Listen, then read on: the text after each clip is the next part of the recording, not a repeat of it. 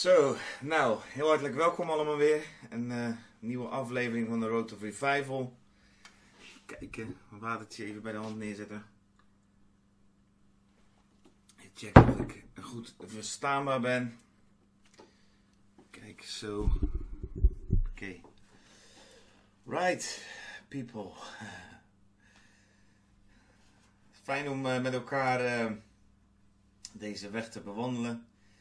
Jullie ook danken voor de mooie reacties die ik krijg en aanvullende vragen. En uh, voel je daar ook vrij in om uh, dat te blijven doen of dat te doen als je dit voor het eerst hoort. Uh, ik kan altijd even een berichtje sturen via Facebook of via de mail. Soms duurt het heel even voordat je antwoord hebt. We hebben, ik heb best druk. ik heb ook nog gewoon heel veel werk hiernaast. Daar ben ik dankbaar voor, ook in deze tijd dat ik nog werk heb. wat gewoon doorgaat, maar... Um, uh, soms duurt het daarom even dat je antwoord krijgt via een appje of een uh, dingetje. Maar dan pak ik daar even een moment voor. Nou, eens even kijken. Voor mij kunnen we wel beginnen. We zijn bezig in Jezaja 52. Een uh, fascinerend hoofdstuk wat volgens mij een, een, weg laat zien naar herleving. Een weg waarin je een leven kan ontwikkelen wat leven brengt. En uh, ik noem dat een leven, leven, leven. Dus je leeft een leven wat leven brengt. En uh, daar zitten allerlei sleutels in verborgen. We zijn die sleutels aan het ontdekken. En zoals elke keer beginnen ik ook nu weer met het lezen van Jezaja 52 vanaf vers 1 tot en met vers 9. En daar staat dit. Ontwaak, ontwaak, bekleed u met kracht. Sion, trek uw mooiste kleren aan, Jeruzalem, heilige stad. Want voortaan zal u in, in u geen onbesneden of onreine meer komen. Schud het stof van u af. Sta op, zet u neer, Jeruzalem. Maak de keten om uw hals los. Gevangene dochter van Sion. Want, zo zegt de Heer, voor niets bent u verkocht, u zult ook zonder geld worden verlost. Want zo zegt de Heere, Heere. Vroeger daalde mijn volk af naar Egypte om daar als vreemdeling te verblijven. Maar. En Assyrië heeft het zonder oorzaak onderdrukt. En nu, wat staat mij hier te doen, spreekt de Heer? Want mijn volk is voor niets weggevoerd. En zijn overheersers doen het weeklagen. Zo spreekt de Heer voortdurend. De hele dag wordt mijn naam gelasterd. En dan de tekst waar we het vandaag verder op ingezoomen.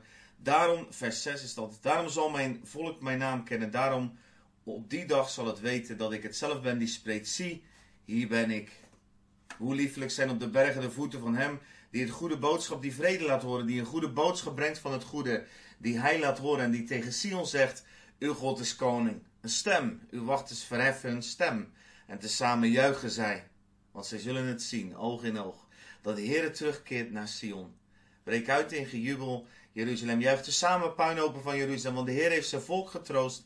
Hij heeft Jeruzalem verlost. Tot zover Jezaja 52. En um, de sleuteltekst die in mijn Bijbel hier ook uh, met uh, rood is gemarkeerd, is de tekst die we vandaag gaan behandelen. Daar ligt de sleutel, denk ik, naar heel Jezaja 52. Daar ligt de sleutel naar een vruchtbaar leven. Daar ligt de sleutel naar hoe God ook eigenlijk ernaar verlangt hoe wij als zijn volk zullen leven. En vers 6. En daarom zal mijn volk mijn, mijn, naam kennen. Daarom op die dag zal het weten dat ik het zelf ben die spreekt. Zie, hier ben ik. Zie, ik ben. Staat er zelfs in de grondtekst. Mooi. Naar, verwijzing naar zijn naam. Oké, als je voor het eerst kijkt vandaag. Dan wil ik je graag terugverwijzen naar de eerdere delen die ik uh, heb uh, gedaan. Uh, die kun je terugvinden op Facebook of op YouTube. In die eerste delen leg ik ook uit waarom deze profetie, die hier aan Jeruzalem en aan Sion gericht is, ook geldt voor ons als gelovigen, voor de Nieuwtestamentische gemeente, in het geheel, de optelsom van alle gelovigen.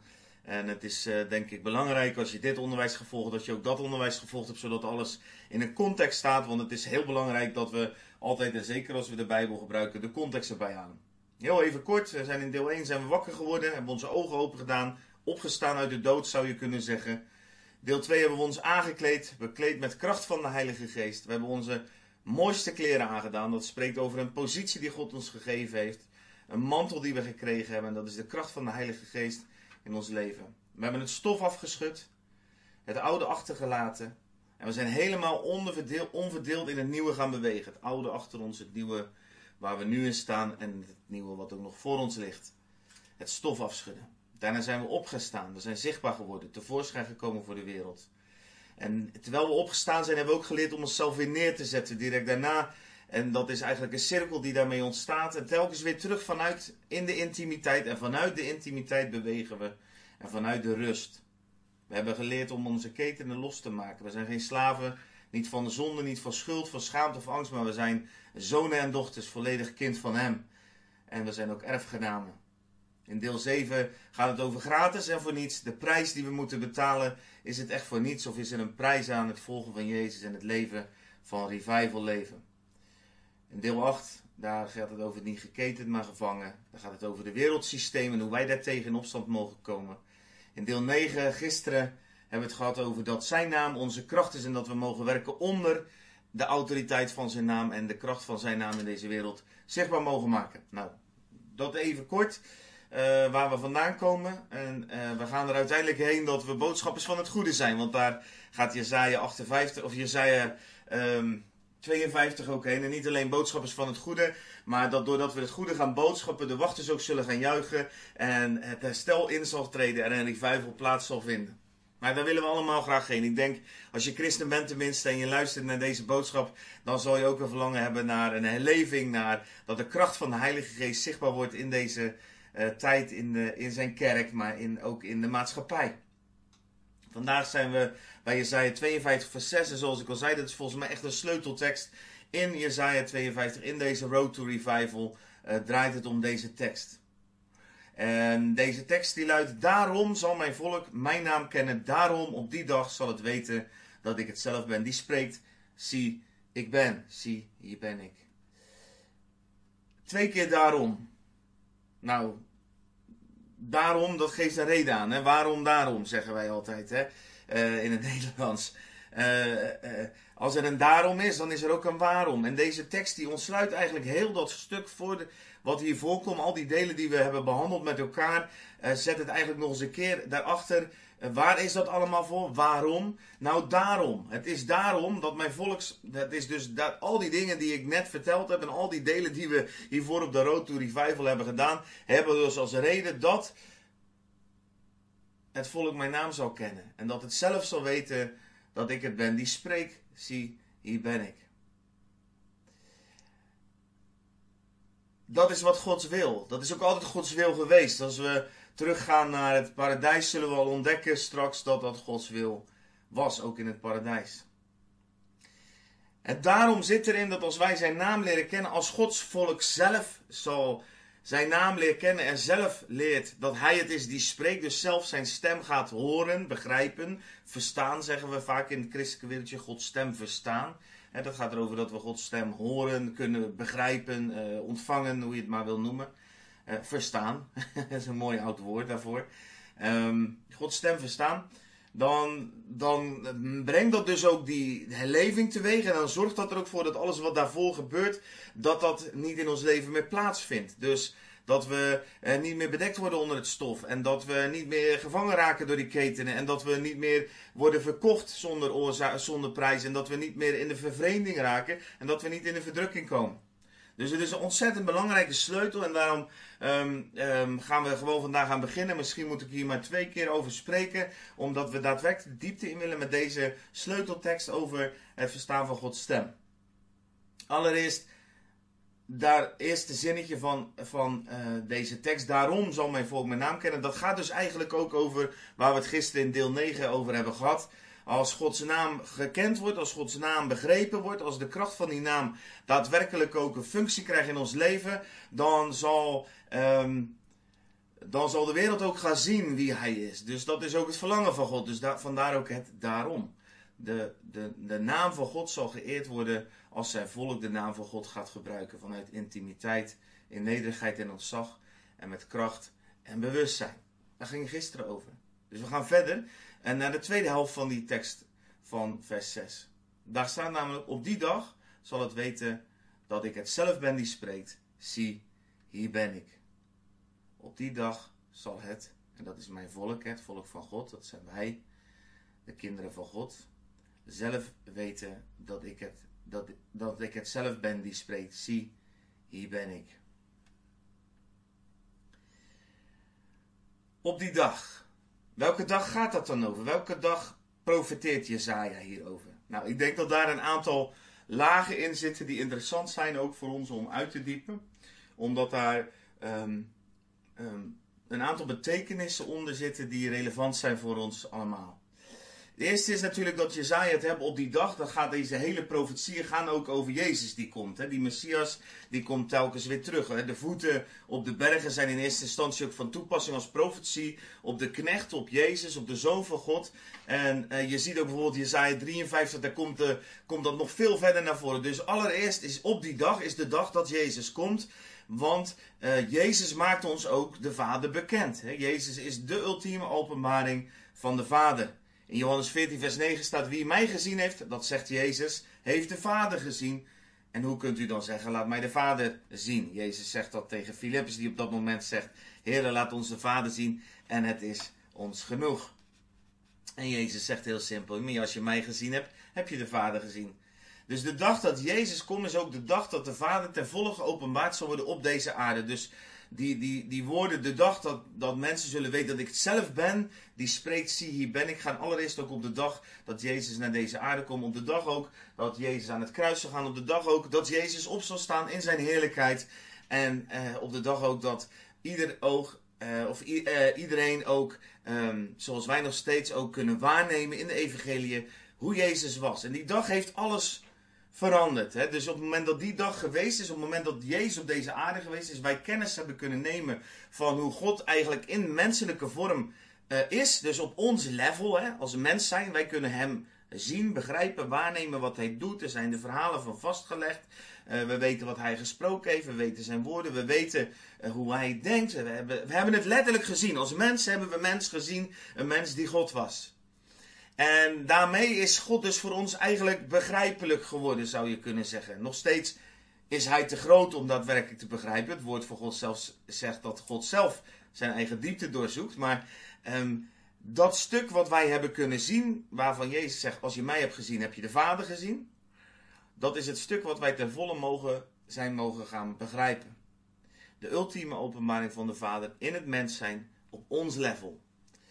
Dus als wij God willen begrijpen, kijken we allereerst naar Jezus. Niet allereerst naar de Bijbel bijvoorbeeld. Wat veel mensen misschien de neiging hebben om het woord van God als eerste openbaring te zien van, uh, van de Vader, is dat allereerst de ultieme openbaring Jezus. En door Jezus heen, dus wetende wat Jezus gedaan heeft, vanuit het woord van God uiteraard, uh, wetende wat het werk van Jezus was, wetende dat hij genade heeft gebracht en waarheid, dat hij niet gekomen is om te veroordelen, vanuit die bril, met die bril op, gaan we ook het woord bekijken. Dus gaan we ook het Oude Testament bekijken we vanaf dat moment, vanaf die dag, die dag die Jezaja dus noemt, bekijken we de wereld, bekijken we de maatschappij, bekijken we uh, het Oude Testament, de, openbaring van God, vanuit de bril van het feit dat we nu iemand hebben gezien, namelijk Jezus, op ons level, die ons de Vader openbaart.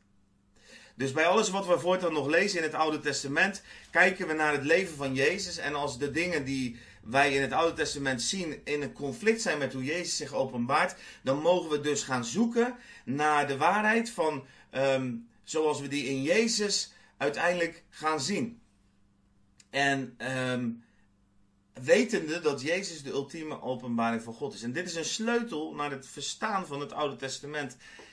Um, de, het, ik, het, is vergelijkbaar echt met een bril, bij wijze van spreken. Niet een bril waardoor je, ja, waardoor je het ook beter gaat zien, maar misschien ook een bril. Waar, je hebt een roze bril, hè, zeggen wij in onze, uh, in onze taal. Dat is eigenlijk een beetje wat ik zo even niet opkomen. Het is eigenlijk een soort roze bril, zou je kunnen zeggen. Niet dat Jezus alleen maar roze en lieflijk was, want Jezus is vol waarheid. En Jezus was ook echt boos af en toe. Ik zie overigens, het lijkt wel of ik ook door een roze bril bekeken word, want ik heb een aardig uh, rood hoofd. ik, geen idee wat ik daaraan zou kunnen doen, want het licht hier is uh, behoorlijk wit eigenlijk. Maar klaarblijkelijk uh, doet het iets met mij of een roze bril. Als ik nu hier een, een, een, een, groen papiertje of een roze papiertje of een rood papiertje of een blauw papiertje, zo'n doorzichtig papiertje, ik weet niet, ik, ik had het vroeger wel eens van die papiertjes die dan om je snoepje heen zaten en daar kon je dan doorheen kijken. Uh, op het moment dat je die voor je oog houdt, dan ziet alles ziet er anders uit. Alles krijgt die kleur. Nou, zo mogen wij naar het Oude Testament kijken door het leven van Jezus heen. Jezus is de ultieme, de hoogste openbaring. En vanuit Jezus mogen we gaan proberen te begrijpen wat God zich ook in het Oude Testament openbaart. Door mensen heen, zoals de profeten en de wet en alles wat in feite onvolmaakt is. Dus een onvolmaakte openbaring, want Jezus is de volmaakte openbaring. Die dingen op de berg der verheerlijking zegt God, dan staan, staat Mozes daar, staat Elia daar. Ik weet niet of jullie dat verhaal kennen, maar de, de, de, ik, dat staat in Johannes, ehm, sorry, in Lucas 18 denk ik. ik. ik. Het komt nu zomaar even naar boven, maar ik zal dat toch even opzoeken ondertussen. Dat is wel handig omdat dat heel belangrijk is voor het begrijpen van, ehm, van de openbaring van Jezus. Um, even kijken. Um, verheerlijking op de berg. Kijk, daar heb ik wel pas over gesproken. Dus dat zou dan toch nog wel ergens moeten zijn. Matthäus 17 onder andere vinden we dat. Nou, het is fijn dat we dat weten. Dat kan je lezen, Matthäus 17. Ga dat maar eens eh, nalezen. Dan lees je in ieder geval dat op het moment dat Mozes en Elia... en dan hoorden ze een stem uit de hemel en die zegt... Dit is mijn zoon, hoort hem, luister naar hem. En op het moment dat de, discipelen dan hun ogen weer opslaan... dan zien ze niemand dan Jezus alleen. Dat is een profetisch beeld voordat de tijd van de wet en de profeten vervuld was. En dat onze eerste focus komt op wat Jezus openbaart. Dat dat de ultieme openbaring is van Jezus. En de wet en de profeten die zijn daar vervuld. Die hebben niet meer de functie die ze hadden daarvoor. Nou, en als je voordat de wet kwam en de profeten kwamen kijken, dan was er gewoon het relationele, zoals wij dat ook hebben. Zo had Abraham gewoon een relatie met God. Hij onderhandelde zelfs over de stad. En zo had dat ook, was dat ook in het geval van Noach en vanaf de schepping, tot aan dat de wet kwam, waarbij er eigenlijk afstand kwam tussen de mens en God, omdat wij regels wilden in plaats van relatie. Nou, Jezus heeft eigenlijk gezegd, dat werkt niet die regels. Ik ga weer voor relatie. En daarbij zijn er nog allerlei richtlijnen en allerlei zaken die jouw leven wel of niet uh, verrijken. En als jij je houdt aan mijn woorden, dan zal zegen op je leven rusten. Maar er is niet meer een wet die tussen jou en mij instaat. Dat is belangrijk om te beseffen als we het hebben over het verstaan van Gods stem en het kennen van zijn hart en zijn karakter. Dus Jezus verklaart ons de Vader, maar daarmee verklaart hij ons ook de Oude Testament en alles wat er over God geschreven en geopenbaard is, mag altijd getoetst worden aan hoe Jezus het in de praktijk bracht. We hadden het over op die dag. Want we wijden alweer een heel eind uit, maar de, de tekst gaat over. Um, op die dag zal het weten dat ik het zelf ben die spreekt. Het volk zal weten dat God zelf het is die spreekt. God wil spreken tot zijn volk. In de grondtekst is wel grappig, maar daar ga ik nu niet al te uitgebreid op in. Maar dat woordje staat eigenlijk ook voor dagelijks.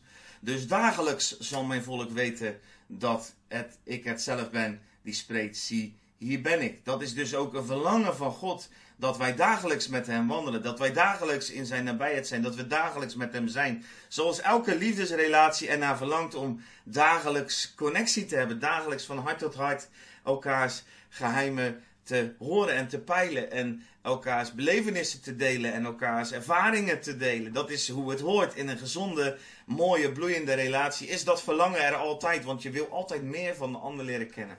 Nou, zo is het ook met God. Eigenlijk staat er dus ook uh, dat hij dagelijks, um, dat, hij, dat het volk dagelijks zal weten dat hij het zelf is die spreekt. Op die dag, ik ga nog even, nog even blijven met op die dag. Dan is het ook belangrijk dat we eh, in de grondtekst een woordje zitten wat ook te maken heeft met een houding. Dus uh, direct al op die dag gaat eigenlijk ook over een houding van. Je, je kan het woord zelfs letterlijk vertalen met heet zijn. Nou, het woordje heet zijn, dat, dat het, het momentum. Oh, één momentje, want volgens mij gaat hij er even uit. Of kan ik dat nu voorkomen? Uh, even kijken hoor, lieve mensen, sorry. Uh, of dat nou goed gaat. Vermoed het. Nou, ik, ik, geloof dat het goed is gegaan. Dat ik er nog ben. Um, en het woordje in de grondtekst staat dus eigenlijk ook heet zijn. Dat gaat eigenlijk over een houding. En een momentum. Een, een, een, een, een hartsgesteldheid zou je kunnen zeggen. Hè? Dat, woordje heet zijn. Als je de Bijbel kent, dan zul je dat ook herkennen. Dat komt ook terug in Openbaringen 3, vers 15 tot 16. Ik krijg een beetje warm van die uitvallende video-dingen. Dus dat is toch wel, als je, als je nog iemand weet of uh, die daar heel veel verstand van hebt, dan hoor ik het graag. Dat heet zijn. Het gaat ook over een momentum, het gaat over een houding. Het woordje heet zijn herkennen wij uit Openbaringen 3, vers 15 en 16, waar staat: Ik ken uw werken en ik weet dat u niet koud en niet heet bent. O, was u maar koud of heet. Maar omdat u lauw bent en niet koud of niet heet, zal ik u uit mijn mond spuwen. Dat zegt God over tegen de gemeente van Laodicea. Dat zegt God ook tegen ons. Hè? Ieder individu wat, in, wat, wat, wat zijn leven aan Jezus heeft gegeven, die hoort deze woorden en die zijn op hem van toepassing. Het punt is, God kan zich alleen maar openbaren aan ons. Hij kan alleen maar zijn karakter en zijn stem en wie hij is aan onszelf kwijt als wij er ook voor hem zijn. Nader tot mij en ik zal tot u naderen. Klopt, en u zal open gedaan worden. Er zit altijd die kant van ons in. Dat is zo belangrijk om dat te beseffen. En ik benadruk dat misschien heel vaak.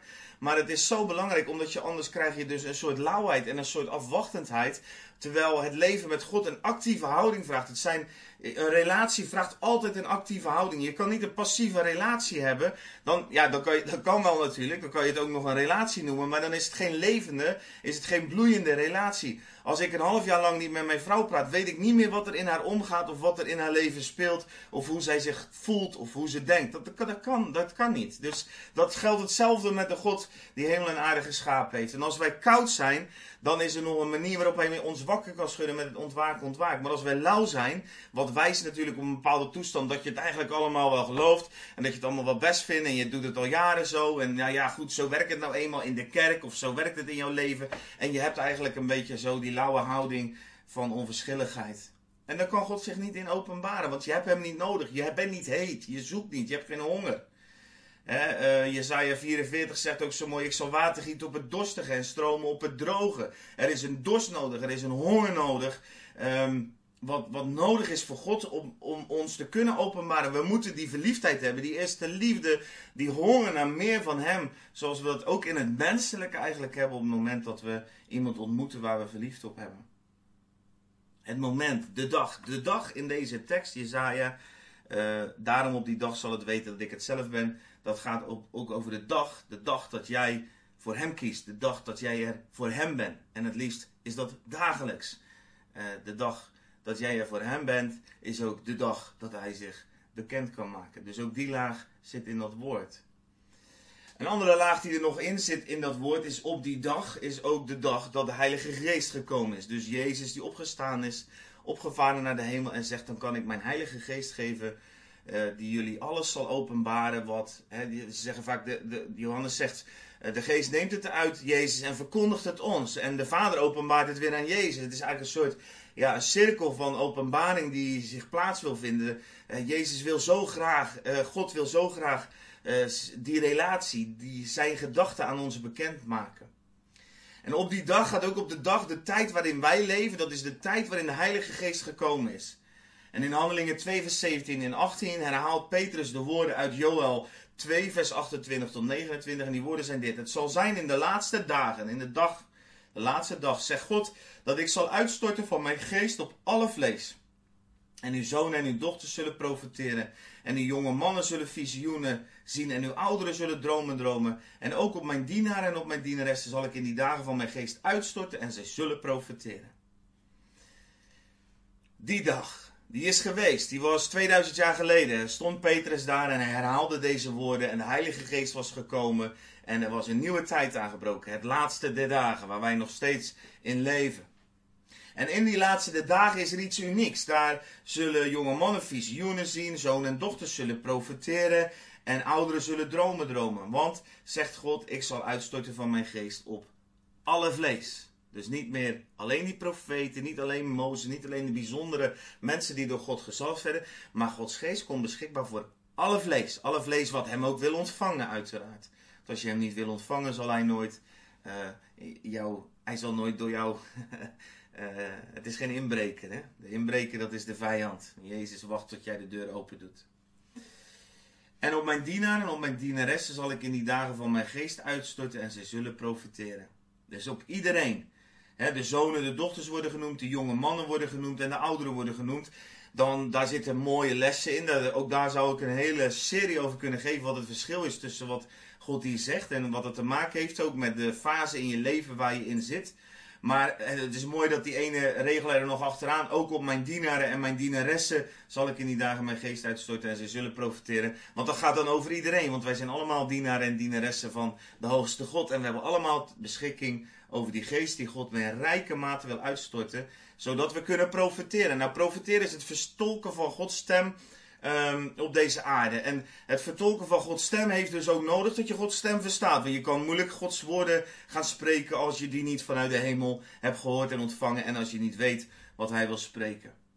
God wil de Heilige Geest geven zonder mate in overvloed. Hè. In Johannes 7, 37 profeteert Jezus al over de Heilige Geest, die er op dat moment nog niet was, want Jezus was nog niet verheerlijkt. Staat er dan in Johannes 7, 39. En dan zegt Jezus, op de laatste van de grote dag van het feest stond Jezus daar en riep, als iemand dorst heeft, laat hij komen en drinken. Wie in mij gelooft, zoals de schrift zegt, stromen van levend water zullen uit zijn binnenste vloeien. Nou, water is, Jezaja 55 geeft ook mooi het beeld van het water.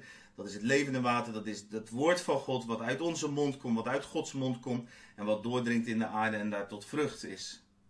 Heilige Geest neemt het uit Jezus, verkondigt het ons en door ons naar de wereld. Dus op die dag, dat gaat ook over de tijd waarin wij nu leven. Die tijd die veranderd is, waarin het de vlees van, uh, waarin het, uh, de geest op alle vlees is.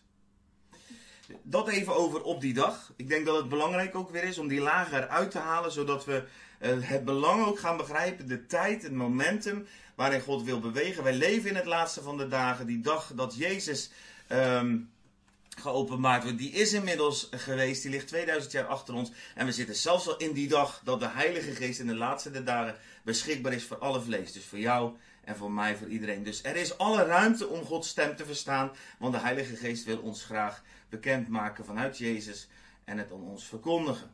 God is een sprekende God. als we verder gaan in die tekst, dan staat er: ehm, ehm, Ik ben het zelf die spreekt. dat ik het zelf ben die spreekt. Mijn volk zal mijn naam kennen. Op die dag zal het weten dat ik het zelf die ben die spreekt. Dat God het zelf is die spreekt. God is een sprekende God. Ik heb vanmorgen een quote gezet op mijn, uh, op mijn uh, Facebook en op mijn Instagram. Uh, en daar staat: Ik denk, daar zeg ik dit. Ik denk dat de relatie zeer bewijsbaar en buitengewoon ervaarbaar is. En daarom is Jezus de weg, de waarheid en het leven.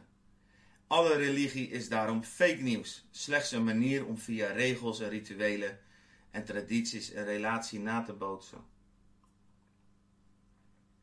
Het klinkt misschien een beetje cru in je oren, uh, omdat ik daarmee misschien ja, iets raakt wat wij vaak hebben, is dat we natuurlijk, ja, er moet toch respect zijn ook voor religies. En ik heb alle respect voor religies, maar ik, ga, ik zal nooit zeggen dat er ook maar iets waar is van welke andere religie. Niet zelfs christenen die religieus leven en die hun uh, geloof hechten aan alle uh, middelen, dus regels, tradities, rituelen, in plaats van aan de levende God.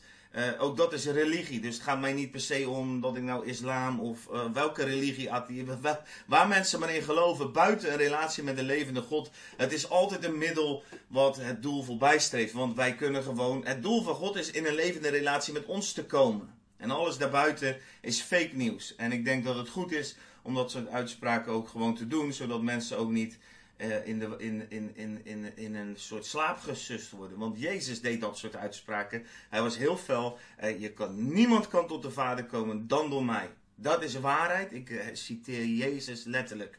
Er is geen andere weg tot de Vader dan Jezus. Simpel, punt. Klaar. Als je revivalist wil zijn, is dat de enige waarheid die je mag omhelzen in je leven. Voor de rest is er heel veel discussieerbaar, heel veel flexibel. Daar heb ik gisteren ook over gehad. Daar moeten we allemaal niet te veel over discussiëren. Over of het precies zus is of zo en wat dit en wat dat. En al die waarheidjes, die mogen nooit leiden tot verdeeldheid. Maar deze mag van mij leiden tot verdeeldheid. Als mensen verloochenen dat Jezus de enige weg en de waarheid in het leven is. Dat de enige manier waarop we gered kunnen worden. De enige manier waarop de Vader gevonden kan worden Jezus is. Ja, dan houdt het op. Dus je mag veel respect hebben voor religies. Ik heb heel veel respect voor iedereen. Ieder mens. Net als dat Jezus heel veel respect had voor ieder mens. Maar ik zal nooit meegaan in allemaal um, dat soort omwegen en kronkelwegen. Dat er allerlei wegen zijn die tot God leiden. is niet waar. Er is maar één weg. Dank u wel. Dat wou ik even gezegd hebben. Voor het geval... Um, iemand ook maar enig ander idee had. Maar respect is er wel en liefde ook. En ik heb hele mooie vrienden, in, ook in allerlei religies. En daar kan ik prima mee praten. maar nooit over het fundament van mijn leven. Jezus is de weg naar de Vader. God is een sprekende God. Dat was hij al in het begin in Genesis 3, helemaal aan het begin van de Bijbel. Dan zien we ook als het misgegaan is dat de stem van de Heere God in Johannes 3, eh, Genesis 3 vers 8. Daar staat dat Adam en Eva de stem van de Heer hoorden in die, wandelde, die in de hof wandelde bij de wind in de namiddag. dus in de, in de hof was er al het verstaan van Gods stem. Klaarblijkelijk was het de gewoonte van God om gewoon in de namiddag met, met, Abraham, eh, met Adam, en dat deed God dus ook, had ook met Adam, sorry, met Adam te wandelen in de hof en dat eh, Adam gewoon Gods stem hoorde en gewoon met hem sprak. En je ziet ook dat God spreekt van aangezicht tot aangezicht. Dat zie je ook op het moment dat ze zichzelf gaan verontschuldigen. Als je verder leest in Genesis 3 vanaf vers 10, dan zie je ook gewoon dat, dat ze met God praten. Heel normaal van aangezicht tot aangezicht. En David, in dit geval Adam schrikt van de stem van God en hij verbergt zich. Waarom? Omdat hij opeens iets te verbergen heeft. En um, de schuld, schaamte en angst hebben de wereld, zijn de wereld binnengekomen. Omdat we niet langer onder het gezag van God wilden staan, maar dachten dat we het zelf beter zouden kunnen. En daar een heel stuk autoriteit mee inleverden. Onder andere um, de autoriteit die Jezus later aan het kruis weer voor ons verdiend heeft. Maar ook daar hebben we het in andere delen zat over gehad. Het gaat mij er nu over dat God al wilde spreken, dat het voor God heel normaal was om met jou van, van, ah, van persoon tot persoon gewoon relatie te hebben. Zo had hij dat met Adam en Eva al. Als je iets verder leest in de Bijbel, dan zie je voortdurend dat de contacten met God er zijn. Henoch was zelfs zo uh, nauw betrokken in de relatie met God, uh, dat uh, staat dat hij wandelde met God en hij was niet meer, want God nam hem weg. Henoch werd gewoon naar Gods hart gehaald en hij was niet meer op deze aarde. En mensen dachten van de ene op de andere dag, waar is Henoch? En Henoch was er niet meer. Hij was opgegaan in zijn maker. Um, in Mozes kom je tegen, zelfs nog in de tijd dat de wet komt, zegt Mozes dit. Zet, uh, in nummer 11 vers 29 is een hele interessante tekst ook. Hè? Daar zie je ook namelijk in hoe God er al naar verlangt. Naar die dag waar we net ook over hadden. Dat de Heilige Geest zou komen. Want Mozes zei tegen hem, zet u zich voor mij in. Och, of alle van het volk van de Heer maar profeten waren. En dat de Heer zijn geest over hen gaf. Mozes draagt het verlangen van God in zich om. Dat iedereen kan profiteren. De tijd waarin we nu leven. Dat iedereen kan profiteren die zich daar naar uitstrekt. 1 Korinthe 14. De Heer, de, in Jesaja 50 vers 4 staat er ook, ik ga even een paar teksten over opnoemen, waarin je kan lezen door de geschiedenis heen, door de Bijbel. Ik pak er maar drie, maar ik kan er wel 3000 voor je uh, oplezen. Maar ik pak even uit elke tijdsperiode zomaar even willekeurig een tekst waarin je naar voren kan horen komen dat God met de mens wil spreken. Dat God wil spreken en dat hij relatie met ons wil. Jezaja 50 vers 4. De Heer Heer gaf mij de tong van een die onderwijs ontvangt, zodat ik weet met de vermoeide een woord op de juiste tijd te spreken. Hij wekt mij elke morgen, hij wekt mij het oor, zodat ik hoor als zij die onderwijs ontvangen. Een van de teksten waar God mij ook mee geroepen heeft en wat hij ook elke morgen overigens doet. En eh, dan spreekt hij tot mij. Maar dat, wil, dat is Gods wil. Hij wil zijn geheimenissen bekendmaken aan de kinderen. Efeze 3, vers 10, heel belangrijk in de tijd waarin we nu leven, de Nieuw-Testamentse tijd. Daar zegt Jezus, opdat nu door de gemeente, of daar zegt de Bijbel, opdat nu door de gemeente aan de overheden en de machten in de hemelse gevesten de veelvuldige wijsheid van God bekend gemaakt zal worden. God wil zijn wijsheid bekendmaken. Door wie? Door de gemeente. Wie is de gemeente? Dat ben jij. Jij bent een deel van de gemeente. En God wil zijn veelvuldige, veelkleurige wijsheid, staat er ook in de grond. Wijs uh, uh, bekendmaken aan de wereld, aan de overheden en machten. Hij wil zijn kracht in deze wereld laten zien door ons heen. Op allerlei kleuren, allerlei manieren. Doordat wij zijn stem verstaan en dat we dat ook door kunnen geven. Jeremia 33, vers 3 is ook heel bekend. Roep tot mij, ik zal u antwoorden en ik zal u grote en onbegrijpelijke dingen bekendmaken die u niet weet. God wil ons zelfs dingen bekendmaken die wij niet direct begrijpen, maar waar we mee bezig mogen gaan zijn. Als God een sprekende God is, hoe spreekt hij dan? Nou, dat is een hele interessante vraag. En het grappige is dat de antwoord op die vraag is eigenlijk niet te geven, omdat God natuurlijk een, een soeverein en een bovennatuurlijk wezen is die zich op vele manieren openbaart. En het zal ook bij iedereen verschillend zijn welke manier van openbaring je het makkelijkst kan ontvangen. Maar ik ga er wel wat over zeggen, want er zijn gewoon een aantal dingen die je vanuit de Bijbel al kan weten hoe God zich wil openbaren aan zijn kinderen. Um, ik, kreeg, ik kreeg even een, een gedachte en die, die zal ik heel even noteren voor een ander moment. Omdat ik denk dat het belangrijk is. Even kijken. Hebreeën 11. Ik ga daar nu even niet induiken. Maar ik ga dit wel even opzoeken, zoals ik dat dan dus nu ook even begrijp dat dat belangrijk is. Ehm, God is een sprekende God, maar hoe spreekt hij dan? Nou, dat is, het is een, een relatie met God is eigenlijk niet heel anders dan een relatie met een mens, want wij zijn dezelfde wezens en wij hebben maar gewoon een beperkt aantal mogelijkheden om relatie aan te gaan en relatie te ervaren. Dus God openbaart zich naar ons toe, dan doet hij dat op het niveau van ons mensen. Um, hoe spreekt hij? Nou, we hebben net al uit Handelingen 2 uh, eh, gehoord dat hij dromen wil geven. Beelden, visioenen. Um, een hoorbare stem. Ik kreeg pas een heel mooi mailtje van iemand, dat vond ik wel bijzonder. Um, die, uh, die sprak over dat ze op de hei aan het wandelen was met haar man. En um, um, ineens hoorde ze een stem. En dat kende ze eigenlijk helemaal niet op die manier, dat God op die manier sprak. En ze hoorde die stem eh, een aantal woorden te zeggen over uh, dat. Um, ik, ik, even uit mijn hoofd. Er werd zoiets gezegd van. Terwijl je mij zoekt, ga ik je vinden of iets dergelijks. En toen ging ze googlen en toen kwam ze terug. Toen kwam ze terecht bij een, uh, een artikel, een blog op onze website. En toen stuurde ze ons dus die. Um, die mail over hoe bijzonder het is dat je dus klaarblijkelijk dat het Gods stem was wat ze gehoord had, omdat ze op die manier dus bij God gekomen was. Het is een bijzonder, bijzonder dat God zich soms zelfs aan mensen zo openbaart. En deze vrouw eigenlijk niet echt direct idee had van waar komt die stem vandaan of wat is dit nou precies. Nou, God spreekt met een hoorbare stem. God spreekt ook in dromen. Hè? Je hoort heel veel verhalen vanuit islamitische landen over hoe God uh, spreekt door dromen heen en God, Jezus zichzelf openbaart direct aan mensen. En uh, dat ze hem daar ook door leren kennen en dat ze hun geloof ontvangen door een droom heen. God openbaart zich ook in visioenen. Um, ik heb zelf heel veel ervaring ook met visioenen. Dat ik daadwerkelijk op een andere plaats ben, dat ik daar ervaringen heb. En dat allemaal in een split second. En dat ik dan even later gewoon weer terug ben. En dat ik denk van oké, wat. Ik heb zelfs wel eens meegemaakt dat ik door de Heer meegenomen werd. En dat ik op een plaats was waar het heel erg regende.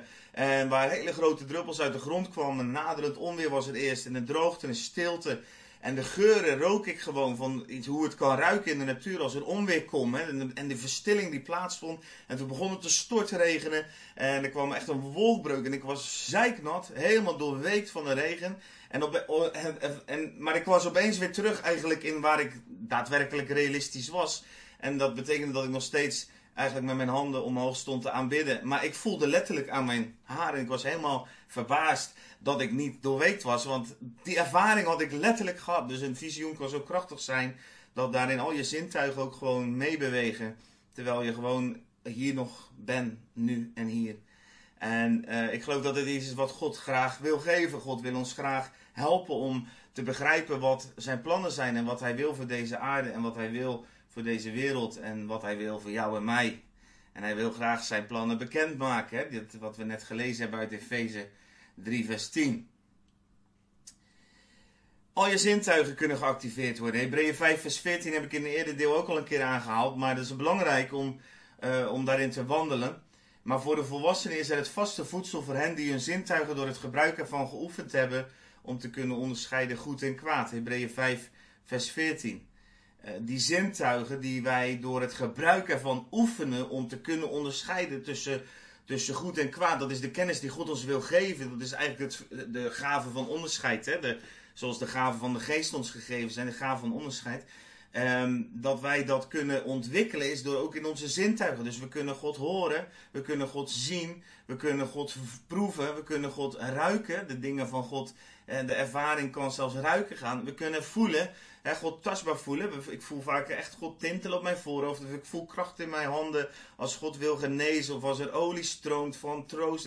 Er is heel veel wat ik gewoon fysiek kan voelen. Dat, dat is niet omdat ik bijzonder ben, want dat ben ik zeer zeker niet. Maar dat is omdat God dat wil geven. En doordat wij ervan, dat ik, ik en mijn vrouw, ik noem even wij, ervan overtuigd zijn dat we, wat Hebreeën 4 zegt, door te oefenen er ook steeds verder in kunnen ontwikkelen dat dat Gods wil is, Hebreeën 5 vers 14, is het ook echt is het echt ook gemanifesteerd in ons leven. Maar dat wil God net zo goed met jou. Want wij zijn niet minder of beter of anders. Dat, is niet. In het Nieuwe Testament wil God zijn geest geven op alle vlees. Ook op jou. Het gaat juist in Jezaja 52 erom dat God zo verlangt naar die dag dat hij dat gaat doen. Omdat hij, dat is zijn verlangen. Dat heel zijn volk zijn naam zou kennen. En dat heel zijn volk zal weten dat hij het zelf bent die spreekt. En niet één iemand die heel bijzonder is en boven alle dingen staat.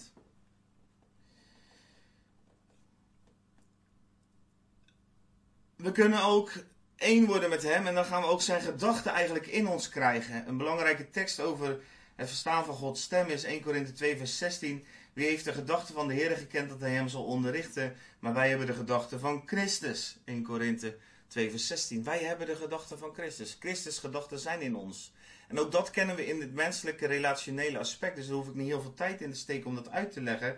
Want als mijn vrouw hier niet is en ik zie hier nu um, uh, bijvoorbeeld een mooi uh, gouden vaasje zie ik hier staan, dan weet ik wat zij hiervan vindt. Ik weet het precies, want ik ken haar en ik heb al zo vaak met haar geshopt. Ik weet wat zij van gouden vaasjes vindt. Ik weet hoe ze, daar, hoe ze daarover denkt en ik weet ook uh, of ze die ergens wel of niet zou willen neerzetten. Kan zij mij verrassen? Ja, soms kom ik thuis en dan zijn alle gouden voorwerpen opeens vervangen door blauwe voorwerpen. En dan ben ik verrast en denk oh wauw, het is een nieuwe tijd, het is een nieuw seizoen. Uh, leuk. Dus zo is het met God ook. Wij kunnen één met hem zijn in intimiteit. Door tijd met hem door te brengen, door met hem zelf te, uh, één te worden, ga je ook ervaren en weten, heb je de gedachte van Christus in je. De Heilige Geest woont ook letterlijk in je. En ga je kunnen beoordelen wat God vindt doordat je Hem leert kennen. En als iemand jou dan iets vraagt, dan weet je de gedachte van Christus daarover weer te geven. Dus we kunnen op allerlei manieren kunnen we hem ervaren. Ik ga daar verder nu niet op in, want daar kan ik zoveel onderwijs over geven. Ik wil je van harte adviseren. Volg bijvoorbeeld eens een cursus, uh, een basistraining profetie bij IM. En die geven wij uh, onder andere met nog wat mensen. En daarin kan je, en dat wordt trouwens op vele plekken worden dit soort cursussen gegeven. Um, leer Gods stem verstaan. Ga daarmee aan de slag. Als je dat moeilijk vindt of als je dat nog nooit eerder gehoord hebt, ga daarmee aan de slag. Ga, eh, ga gewoon naar hem luisteren. Doe, maak tijd voor hem. Dat zijn de dingen die belangrijk zijn, zoals in elke relatie. De sleutel in elke relatie is tijd, heb ik hier nog opgeschreven. En um, en het verlangen om iemand ook te leren kennen. En als jij een verlangen hebt om God te leren kennen. Ik moest denken aan die tekst uit Hebreeën 11, die God net even in mijn gedachten sprak. Ik heb hem even opgezocht. Hebreeën 11 staat: Zonder geloof is het onmogelijk God te behagen of te benaderen. Wie tot God komt, moet geloven dat Hij is en dat Hij beloont wie Hem zoeken. En als ik deze tekst zo opeens in me krijg, geloof ik dat die ook echt van belang is voor iemand die nu luistert. Um, je moet geloven als je tot God gaat dat Hij goed is, dat Hij bestaat en dat Hij een beloner is van wie Hem zoeken. En je twijfelt daaraan. En misschien komt dat wel door je achtergrond, door de ideeën die je hebt meegekregen. En, en ik wil je daar echt in, in, in zegenen. Ga met deze tekst aan de slag. En ga, eh, wat ik eerder ook gedeeld heb in deze uitzending, door de bril van Jezus naar het woord kijken. Naar al die dingen die jij nu in jouw leven hebt meegekregen. Wat mensen jou onderwezen hebben over God. Waardoor je godsbeeld een bepaalde vorm gekregen hebt uh, zou ik je willen uitdagen om vanuit wat je in Jezus leven ziet, die dingen opnieuw te gaan bekijken. Ik denk dat het veel te maken heeft met de ideeën die je hebt gekregen over uitverkiezing en over hoe God naar mensen kijkt. Nou, kijk maar naar Jezus. Hoe hij omging met de uitverkiezing en wat hij daarover sprak. Maar ook wat hij daarvan in de praktijk bracht en hoe alle bij hem konden komen die vermoeid en belast waren. En Hebreeën 11 zegt het nog een keer, want wie tot God komt moet geloven dat hij is en dat hij beloont wie hem zoeken. Ik geloof dat dit belangrijk voor één iemand is, dus sorry dat ik de rest daarmee stoor. Ik geloof zelfs dat je naam Frits is. En um, stuur me gerust een appje als dat zo is. En ik weet denk ik ook je achternaam, maar dat, dat ik ken je niet. ik, ik ken eigenlijk helemaal geen Frits, dus ik ben heel benieuwd. Als God dat zo belangrijk voor jou vindt, dan is het denk ik tijd dat je je leven echt om gaat gooien en hem voldoende ruimte gaat geven. En God heeft een groot plan met je leven. Want ik zie uh, hoe je daadwerkelijk verhoogt, dat je daadwerkelijk op een plek staat waar mensen naar kijken. Dus God heeft een verlangen om in jouw leven iets te doen. Om jou ook als een toonbeeld te maken voor de groep mensen waar je nu al heel veel invloed op hebt. En uh, je positie die je nu al hebt gekregen, maar waar je eigenlijk zegt, ja, ik zit op deze positie zonder dat ik geloof heb. Uh, God gaat daar geloof in brengen door deze woorden heen. En ik zegen je daarin. En ik hoop dat je um, zijn wil daarin gaat volgen. Er is zoveel meer. Nou ja, dat even terzijde. Want dit was dan even voor iemand persoonlijk. Ik geloof dat ik dat zo goed heb doorgegeven. En dan gaan we terug naar het verstaan van Gods stem. Um, ik heb gezegd, volg een cursus of iets. Ga, ga, ga je verdiepen in hoe dat werkt. Uh, op, dit, oh, op dit moment doen we een challenge, uh, I Am, uh, de I Am Loft website, Facebook. Elke morgen dan openen we een nieuwe poort als vervolg op de preek die ik afgelopen zondag gehoord heb. Ook daar zitten dit soort dingen in. Ook God spreken ging het vandaag over. Doe mee met zulke dingen. Beweeg in de, de, de, de mensen die een levende relatie met God hebben. Laat je door hen ook besmetten en uitdagen en meenemen. Alright. Ik geloof ook dat het genoeg is voor vandaag. Het is alweer meer dan genoeg om allemaal te kunnen verwerken. Um, ik wil een oproep doen naar jullie toe. Als je daadwerkelijk een honger hebt om Gods stem te leren verstaan. En voordat ik dit ga doen, um, ik snap dat die tekst nog veel meer rijkdom hebt. Dat begrijp ik heel goed, daarom stop ik ook nu. Uh, want als ik verder ga over zie, hier ben ik, of zie hier, ik ben. Um, het laatste stukje van die tekst, daar wil ik eigenlijk morgen dan apart op ingaan. Want daar zit zoveel rijkdom in. Uh, dat gaat helemaal over de openbaring van Gods naam. Dat gaat over Gods wezen, over Gods karakter. Over wat is jouw godsbeeld. Want wat jij gelooft van God is ook datgene wat jij doorgeeft van God. En super belangrijk. En daar ga ik niet in 10 minuten doorheen kunnen komen met de manier waarop ik daar doorheen wil gaan. Dus ik ga, voor nu ga ik stoppen. En ik wil, voor nu wil ik eindigen met de vraag: wil jij daadwerkelijk Gods stem verstaan? En wil je ook Gods stem spreken in deze wereld? Want daar verlangt hij zo naar. Hij verlangt er zo naar om zijn geheimenis aan jou te openbaren. Hij verlangt er zo naar om zijn gedachten dat die één mogen worden met hem. Zodat jij als hem in deze wereld bent. Zoals Johannes, uh, uh, Johannes ook zegt in, in zijn brief aan de, de brief van Johannes 1 Johannes 4. Als, wij zijn als hem in deze wereld.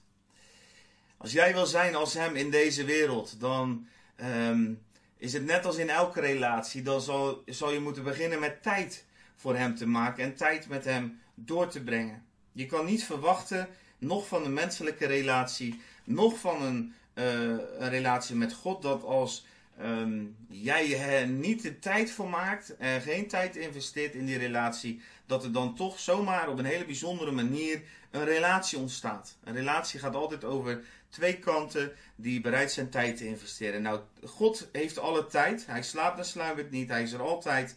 Hij is omnipotent, altegenwoordig. En zijn Heilige Geest in jou um, is er om met jou uh, gemeenschap te hebben en met jou um, te zijn en, en te spreken en je, je, je zintuigen te activeren en noem maar op.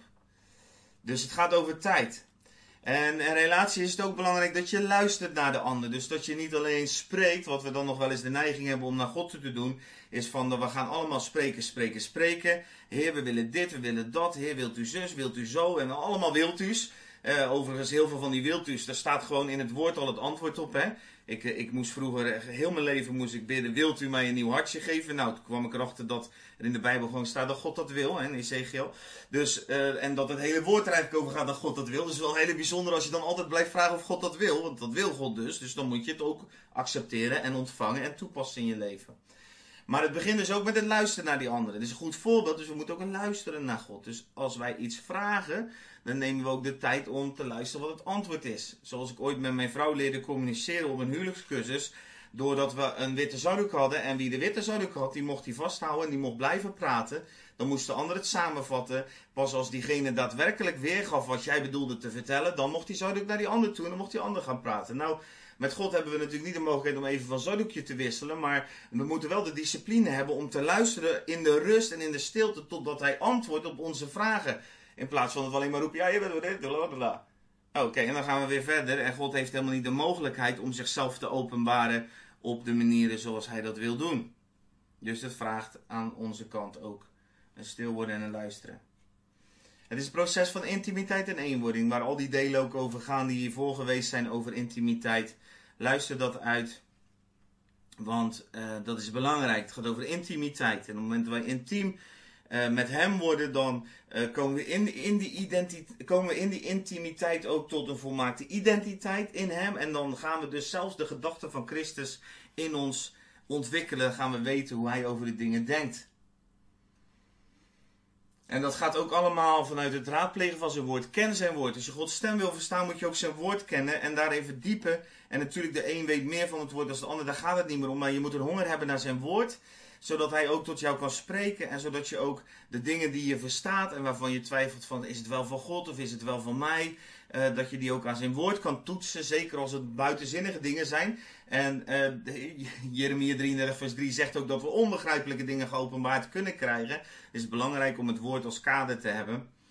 Um, en uh, in de zin van dat we hem kunnen, dat we ook onszelf kunnen toetsen aan wat hij spreekt. En daarom is het ook belangrijk om in gemeenschap te zijn met andere broers en zussen, eh, omdat ze dan ook daarin mee kunnen zijn. Maar het begint allemaal met een besluit. Een besluit dat we mogen weten dat hij goed is, dat we tot hem mogen naderen en dat we zijn stem willen verstaan.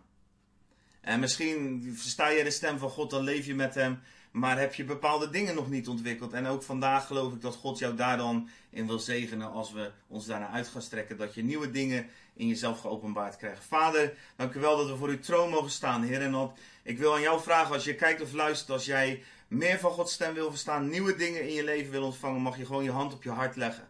En vader, als we voor uw troon staan met onze hand op ons hart, als een teken van dat we meer van u nodig hebben, zodat we meer van u in deze wereld kunnen doorgeven, zodat we zelf ook meer en meer kunnen lijken op u, Heer, dan willen we op dit moment zo onze lege, handen voor u, lege hand voor u opheffen. Vader, en willen we vragen of u onze handen, onze gedachten, ons voelen, ons zijn, ons ruiken, ons proeven, al onze zintuigen, of u die wil zalven met uw glorie. Vader, dank u wel dat u een sprekende God bent. Vader, en ik zet vrij over de mensen die op dit moment kijken en luisteren, dat ze zullen ervaren dat er visioenen, eh, dat er krachten zullen zijn in hun leven. Visioenen, dromen, beelden. Ik zet dromen vrij over je in de nacht, maar ook op de dag, dat je zal merken dat je meegenomen wordt in de visie van God. Dat God je visioenen geeft over waar hij heen wil, wat hij, wat hij wil gaan laten zien. Vader, uh, wat, hij, wat hij gaat doen ook op deze aarde, dat je daarover mag spreken. Vader, dank u wel dat we op dit moment in een, in een nederige en een, en een hongerige hart uw kracht en uw waarheid en uw, en uw liefde mogen ontvangen. Vader, dank u wel dat u ons zalft met de Heilige Geest, die ons bekend wil maken wat er in het hart van Jezus is, wat er in het hart van de Vader is, en dat we dat door mogen geven. De mensen om ons heen in deze wereld. Vader, dank u wel. Dank u wel dat u ons zegent. Dank u wel dat uw kracht op ons leven is. Wel dat uw kracht op ons leven is. Kom met uw kracht op dit moment op ons lichaam. Op onze zintuigen. Op onze ziel. Vader, ik bid voor elke pijn in onze ziel die ons hindert om uw stem te verstaan. Vader, dank u wel dat uw woord vooral troostend is. Dat uw geest de trooster is. Dat we allereerst troost mogen ontvangen als een hechtingslaag. Voor al die dingen die u wil geven in ons leven. Vader, dank u wel voor uw troost. Ik voel ook troost stromen op dit moment. Je hebt troost nodig. Er is pijn in je ziel. Er is pijn in jouw ziel en in jouw hart gekomen door, um, door omstandigheden. Je, je, je, je, je hebt de eerste liefde verlaten, maar je hebt het gevoel dat God jou verlaten heeft. En dat komt doordat er zoveel dingen om je heen gebeurd zijn. Ik zet je vrij in de naam van Jezus om opnieuw te gaan naar de koning der koningen. En hij is nog steeds even gek op jou en hij jaagt achter je. Ik voel ook honger en ik zegen je honger. Dat, en ik zegen je dorst. Dat er een enorme toef, toename zal zijn. En kijk niet naar jezelf. Ik zeg je, kijk niet naar jezelf, maar kijk naar Hem. Hij is de bron van leven. Hij is de God van alle genade. De God van alle genade. En hij gaat jou versterken en hij gaat je funderen. En hij gaat nieuwe dingen in je leven geven. Vader, ik bid voor een explosie van, van waarneming in alle mensen die op dit moment hier kijken en die dit luisteren, op welk moment dan ook. Of je dat nu live hebt of dat je het naluistert. Ik bid voor een explosie van openbaring. Dat je denken open zal gaan. Dat je voelen open zal gaan. Dat, je, dat er openbaring vanuit de hemel gaat komen. Dat je de gedachten van Christus in je zal krijgen. En ik zet dat vrij over jou. Op basis van het woord van God. Van de autoriteit van de hemel. Die in het woord van God gelegen is. En door de kracht van zijn Heilige Geest. In Jezus' naam. Amen. Amen. Wees gezegend. Ik hou van jullie. Morgen zijn we er, gaan we nadenken over Godsbeelden en over de openbaring van Gods karakter en hoe wij daar in ons leven mee om kunnen gaan en hoe dat ons mag vormen en hoe dat ook kleurt hoe wij hem doorgeven. Voor nu, ga Gods stem, ga hem najagen, streef ernaar te profiteren Uh, jaag naar de liefde, streven naar te profiteren. Voor beide dingen hebben we het zo nodig dat we voortdurend inspraak hebben vanuit de hemel. Dat we net als Adam in de avond, in de, in de namiddag, uh, in de wind, de, de, de aanwezigheid van God, dat zijn heerlijkheid op ons mag zijn en dat we zijn stem mogen verstaan. En wat wordt de wereld mooier met iedereen die hierin doorbreekt. En daarom zegen ik je ermee. Dit is de sleuteltekst voor de Jesaja 52. Dit is de sleuteltekst naar welke revival er ook ooit plaats zal vinden. Mijn volk zal mij kennen op die dag. En dit is de dag. Nu is de dag. In Jezus' naam. Amen. Veel zegen.